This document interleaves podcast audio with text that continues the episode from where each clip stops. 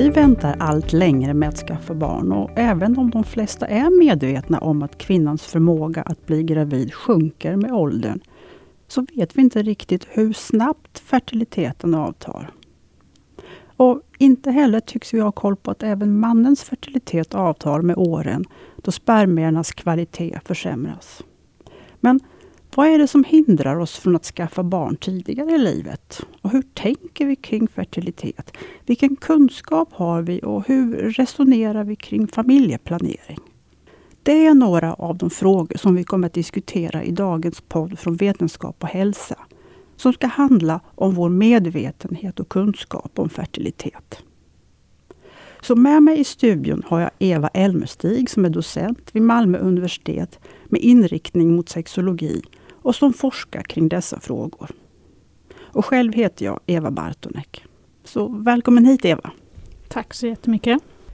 Den här delen av din forskning ingår i ett svensk-danskt samarbete som heter Reprounion. Och kortfattat så är det ett samarbete som knyter samman vård, akademi, läkemedelsindustrin. Och det övergripande syftet är att bättre förstå de bakomliggande orsakerna till infertilitet och att utveckla bättre behandlingar för ofrivilligt barnlösa. Och idag så är det här programmet indelat i fem huvudområden, eller utmaningar som de också kallas. Och medan de fyra första har en tydlig medicinsk inriktning. Det kan handla om att förbättra den manliga fertiliteten, säkra kvinnors äggstocksfunktion eller skapa bättre behandlingar. Så har den femte, den som du deltar i, en lite annan inriktning. Så kan du berätta, vad handlar den här utmaningen om och, och vad är det övergripande syftet?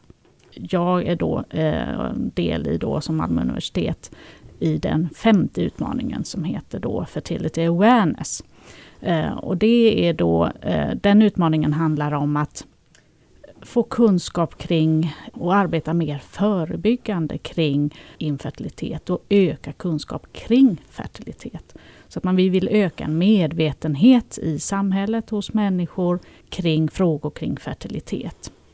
Så att det är eh, den utmaningen som, som vi arbetar med i, i eh, Challenge 5 då, eller den här utmaning 5. Och där vi då från Malmö universitet, eh, som du sa, så sa du att eh, mycket är den medicinska eh, forskningen som ingår i då de fyra andra utmaningarna. Medan här i eh, utmaning fem så har vi mer en tvärvetenskaplig ansats. Där vi tittar på olika faktorer. Det är inte bara enbart medicinskt utan vi tittar på en bredare bild av just ja, kring, kring medvetenhet kring infertilitet. Mm. Och, och, och, och, som sagt, när det gäller de här medicinska utmaningarna så, så jobbar man säga, traditionellt. Man um, gör olika undersökningar, man tar prover och så vidare. Men ni samlar in information genom att intervjua olika personer. Då. Och den här metoden som ni jobbar med kallas för fokusgrupper. Kan du bara kort förklara hur jobbar man med det och vad är det som är syftet med det? Ja, precis. För de andra källorna tittar på ja, undersökningar på olika provtagningar och så vidare. Medan vi då eh, mer vill få en fördjupad förståelse genom eh, intervjuer, kvalitativa intervjuer. Så att vår del, Malmö universitetsdelen i, i eh, den här utmaning 5, där har vi ett projekt som vi har gjort fokusgruppsintervjuer och ett projekt där vi gör individuella eh, intervjuer. Så att de här fokusgruppsintervjuerna är då att man samlar grupper av personer eh, där de får sitta och diskutera frågor och som vi då Dels är det en som, som modererar intervjuerna och oftast är det en som sitter bredvid och också som forskare som, som eh, antecknar och så vidare. Men, eh, men det är att vi vill ett, ett, att tre till sex personer ungefär är optimalt, sitter och pratar om frågor som vi eh, vill få en fördjupad förståelse kring. Och där diskuterar de och lägger, alltså, lägger till och aha, tänker du så? Ja, ja, men jag tänker så här. Så att man får en, en, en fördjupad förståelse, eh, men i en gruppkonstellation. Då. Och, och, ni har ju hållit på med det här i, i några år och faktiskt publicerat eh, ett par artiklar redan. Och I en av de här publicerade artiklarna så har ni då fokuserat på just människors kunskap kring, kring fertilitet. Så jag undrar, hur, vad har ni sett? Hur ser det ut med kunskapen? Är folk dåligt informerade kring, kring fertilitet? Ja, så i den här studien som vi nu pratar om, den här första delen, fokusgruppsintervjun, där har vi ju intervjuat människor i olika livsskeden. Så att det är eh, personer från 17 år till 90 år som har deltagit i de här fokusgruppsintervjuerna. Och därför så skiljer det sig ju lite, om man säger från 17 år till 90 år, vad man har för kunskap kring fertilitet. Eh, vad vi kan se är att, att man har eh, med åldern, eh, alltså att idag att man pratar ändå kring det mer på ett annat sätt kring infertilitet. Men kunskapen är fortfarande eh, som vi ser Dels så fanns det ju myter, om vi nu tittar på, på Mm, kan du ge exempel på vad finns det för ja, myter? Eh, myter som de, de äldre till exempel, de kunde ta upp att, att de hade fått reda på att nej, men du ska inte eh, gå till exempel med jeans eller du ska inte göra si eller så, det kan påverka din fertilitet. Hade de fått information om förr då. Eh, Medan de yngre mer, eh, tog mer upp eh, kopplat till till exempel hormonella preventivmedel, att det påverkade fertiliteten. Eller att eh, eh aborter eh, och, och, så vidare. Så att, och det är ju ingenting som, som, som påverkar fertiliteten eh, utav, utifrån eh, de behandlingar eller de ingrepp vi gör i västvärlden i alla fall. Så att, så att det, det fanns myter. Men sen så är det ju så att, som du sa, att åldern är ju den största faktorn för eh, att minskad fertilitet, att fertiliteten avtar. Och det tog de upp, eh, och framförallt kvinnans ålder. Men de hade inte kunskap om hur den drastiskt minskade. Likadant så eh, när vi frågade ytterligare så framkom det mer att det handlade om kromosomavvikelser. Att det var den delen som de fokuserade på och hade inte riktigt den kunskapen om, om uh, hur drastiskt uh, den minskade. Likadant så hade de inte kunskap om att mannens uh, fertilitet också minskar med åldern. Att man ökar till exempel med kromosomavvikelser och ökar risk för missfall och att det tar längre tid att bli gravid.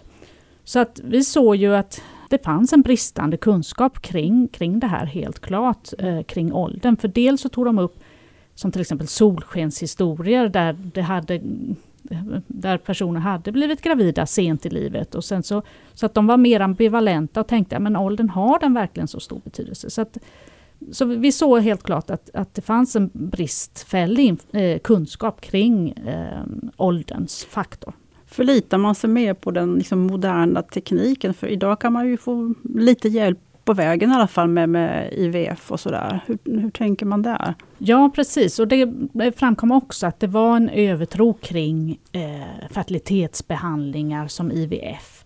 Att man tänkte att, jag menar, ja, är det då att åldern så, så går väl det att fixa med, med, med de eh, hjälpmedel eller de behandlingar. Och, och så enkelt är det ju inte. Nej.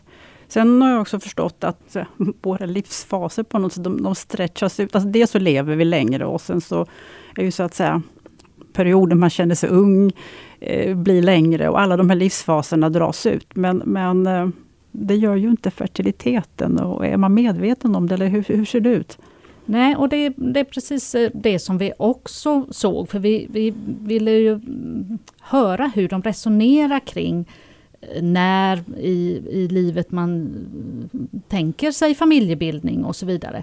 Och då såg vi ju att det blev väldigt tydligt, framförallt så såg vi att äldre i den här, när vi intervjuade äldre, att de tyckte att, eh, eh att de yngre såg det här som ett projekt idag, att, att föda barn. Att det blev väldigt lätt att tänka i de här vanorna kring familjeplanering. Att det blev eh, eh, att det är så mycket man ska göra eh, innan, att man ska resa, utbilda sig, eh, lära känna sig själv. Det är mycket på en bucket list som, mm. ska, som ska hinnas med. Och att vi ser det här, som du sa, det här med att de här livsfaserna stretchas ut. Så att vi har ju eh, jag menar ungdomstiden, nu heter det ung vuxen också, så att det är liksom ungdomstiden har blivit mycket, mycket längre. Sen medelåldern har ju också förändrats, eh, tiden där, fasen. Och vi, vi lever längre och vi är friskare och så vidare. Så att det är många som tänker att eh, ja, men då kan man väl skjuta på det här med att föda barn också. Men alltså vi, vi har ju stretchat våra livsfaser men det reproduktiva fönstret, det här eh, fertilitetsfönstret, det har ju inte förändrats. Så den ja. biologin har ju inte förändrats.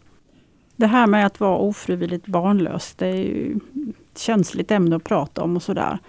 Kunde du se några skillnader eh, kring hur man pratade om det förr och hur man pratar om det nu? Har man blivit mer öppen eller vad ser ni?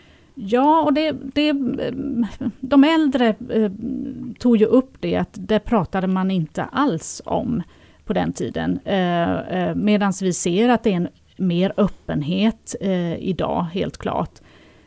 Men samtidigt så kunde vi se att, att de som, hade, som var kanske, som hade precis genomgått fertilitetsbehandling eller så, kände ändå att det är svårigheter att prata kring det, mm. även om vi ser att vi såg i den här studien då att det är en förändring, att man pratar mer om det idag, så är det ändå ett område som är privat och, och, och till viss del svårt att prata om med vänner och som kanske själva då eh, inte har några problem med att få barn till exempel, andra vänner eller familj eller så vidare.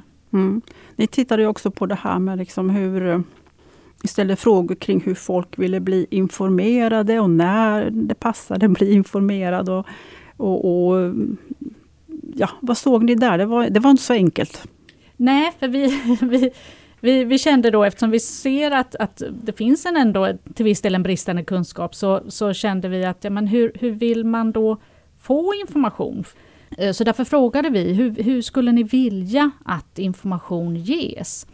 Eh, och då bland annat så eh, visade vi en, en poster som man har haft i, eh, man har haft kampanjer i Köpenhamn eller i Danmark. Och så visade vi en poster Eh, och, eh, och så fick de titta på det. Eh, och de äldre tyckte att den här, men det här kändes väl ändå lockande och den kunde vara bra. Och likadant de mycket yngre kunde också uppleva att, att det var, ja men det kan väl funka. Medan de som var i den här reproduktiva åldern eller den som, där man kanske var under tiden med familjebildning, tyckte att den blev stressande. Eh, de här eh, posterna som vi visade. Så att de upplevde att nej, det här och att de kände sig lite anklagande, eller anklagade att de inte tänkte på det här med, med fertilitet eller, eller eh, skaffade barn eller, eller försökte med, med familjeplaneringen eh, där. Så att, så att det där, vad vi upplevde var ju att det var inte helt enkelt att säga eh, eh exakt hur det skulle vara, men vi, vad vi var alla eh, överens om var ju att yngre ska få en, eh, ska, alltså i skolor till exempel, att man är där mer, man ska ge information kring fertilitet och infertilitet. Så man ska få den så att säga tidigt innan man hamnar i det här läget? Precis. Mm. Och att även om man då ger information längre fram så är det jätteviktigt att det inte är en dömande eh, information. Så det var väl det som vi såg, att informationen får inte vara dömande, saklig men inte dömande eller provocerande. Och de som, som hade genomgått eh, problem kopplat till fertilitet och, och genomgått utredning och så vidare upplevde ju att ja, men de hade velat veta det här när de ja, gick i skolan, gymnasiet, högstadieskolan. Eh, så att, och det ser vi ju kopplat till att det är mycket fokus på att undvika graviditet och att man inte får information om att hur eh, kan man bli gravid mm. när man vill, om man vill.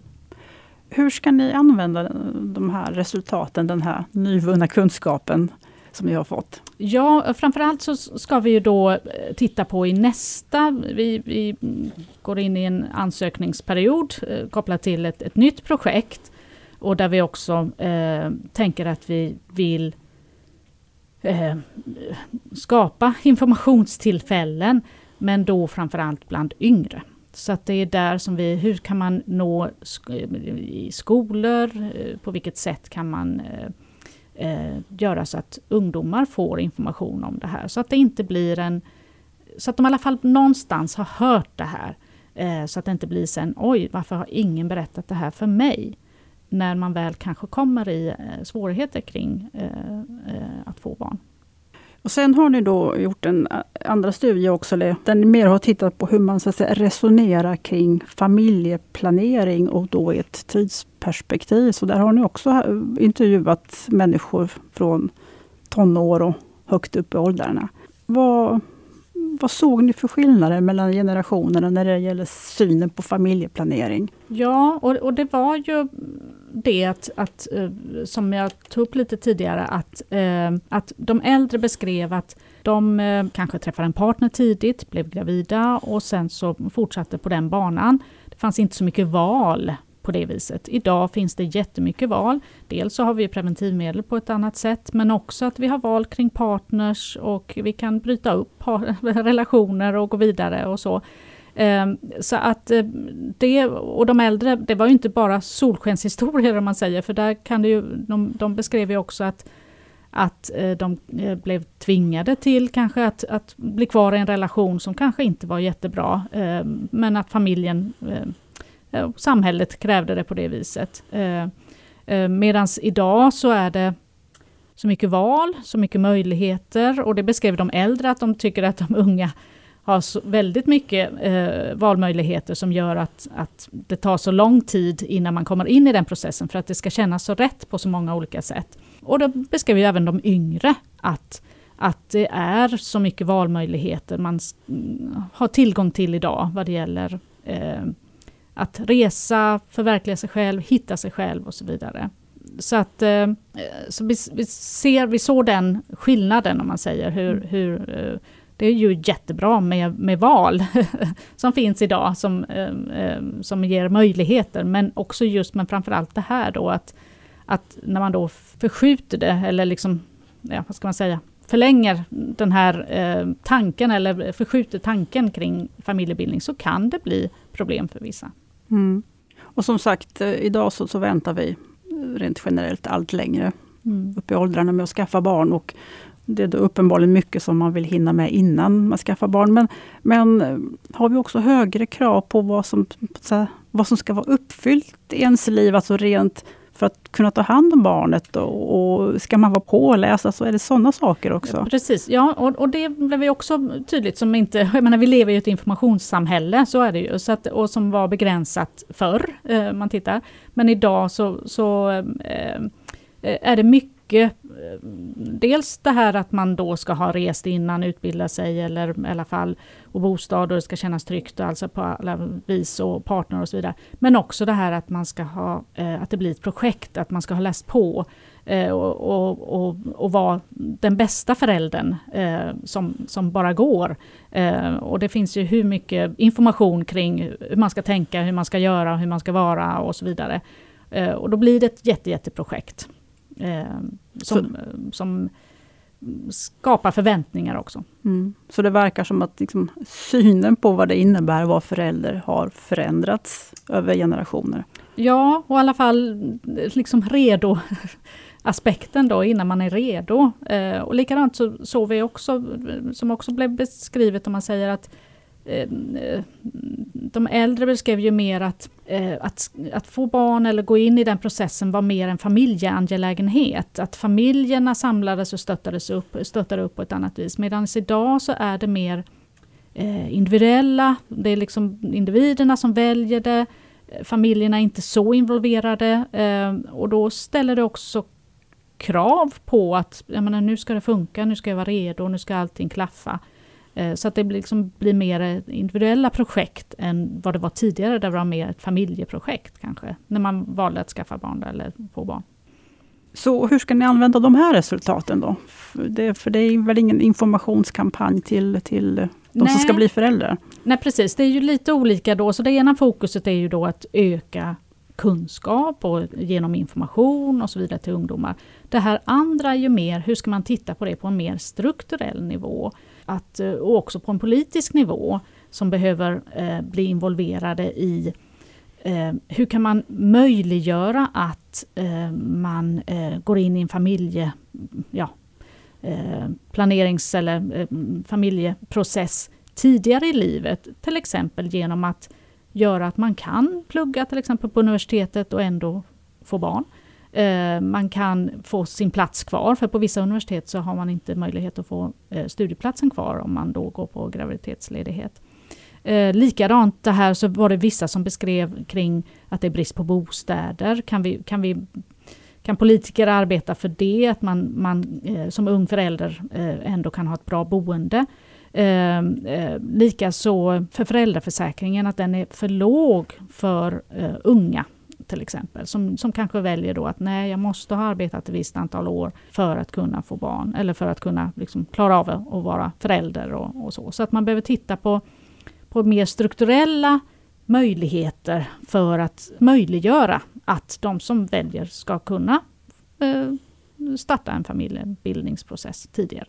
Mm. Har ni varit i kontakt med några politiker eller så? Har ja. ni fått reaktioner?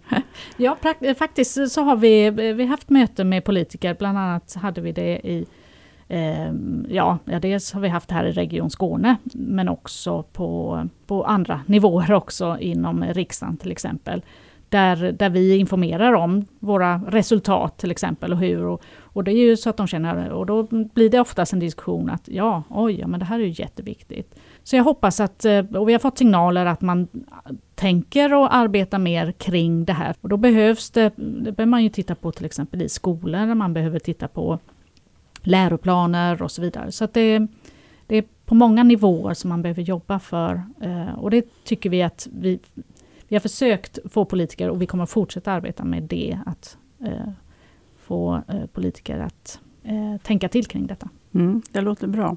Ni har ju också ett så pågående projekt som ni startade upp under pandemin, eller på grund av pandemin kanske ska man säga. Mm. Som, där ni har tittat på erfarenheter av ofrivillig barnlöshet och kanske var inne i en sån process då under pandemin.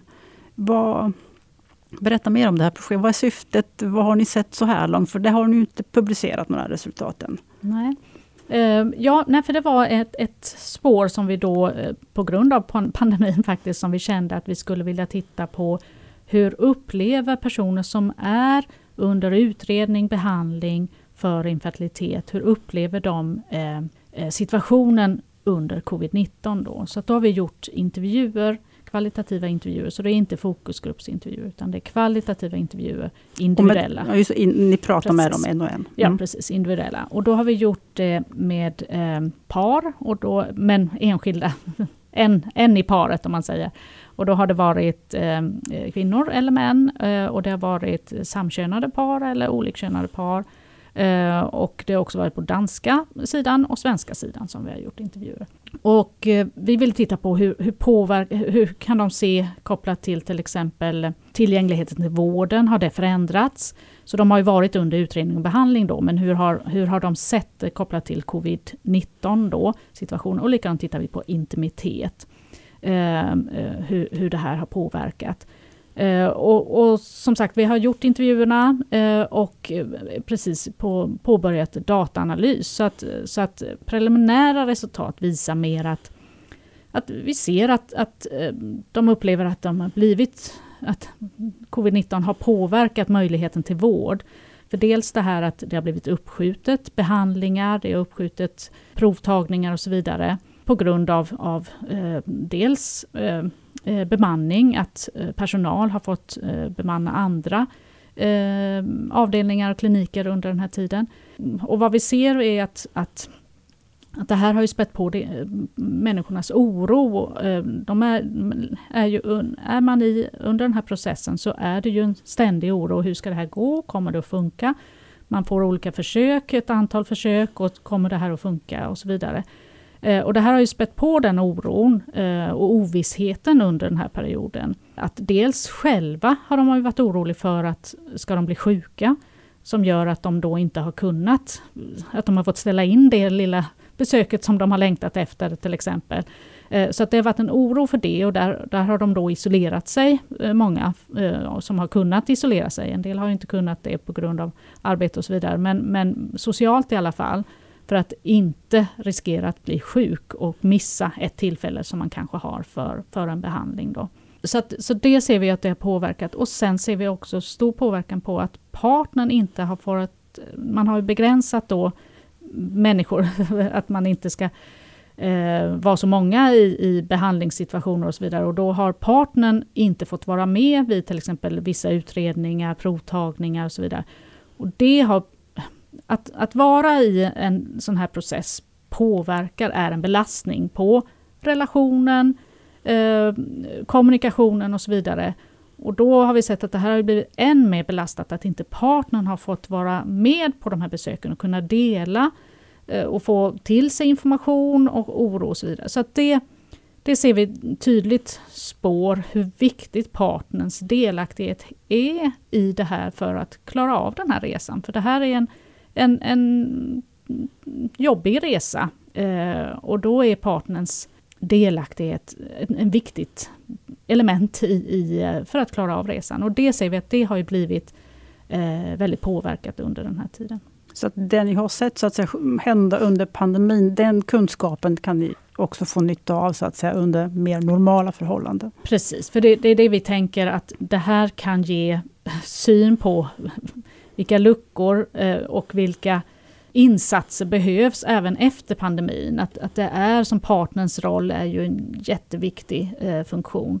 Eh, och där så kommer vi arbeta med, har vi tankar på att se hur, hur kan man förbättra det till exempel, den möjligheten. För att partners roll är viktig för att, eh, för att relationen ska funka eh, och att man ska orka med eh, den här processen. Mm, jag tror att det får bli en bra avslutning på den här podden. Tack Eva Elmerstig, docent vid Malmö universitet, för att du ville vara med. Och tack för att jag fick vara med. Du har lyssnat på en podd från Vetenskap och hälsa. Den här podden ingår i ett större tema om fertilitet som finns publicerat på vår hemsida. Ni hittar det på vetenskaphalsa.se teman och så letar ni upp temat fertilitet. Vi som har jobbat med den här podden är Patrik Jävert, ljudtekniker och själv heter jag Eva Bartonek. Tack för att ni har lyssnat.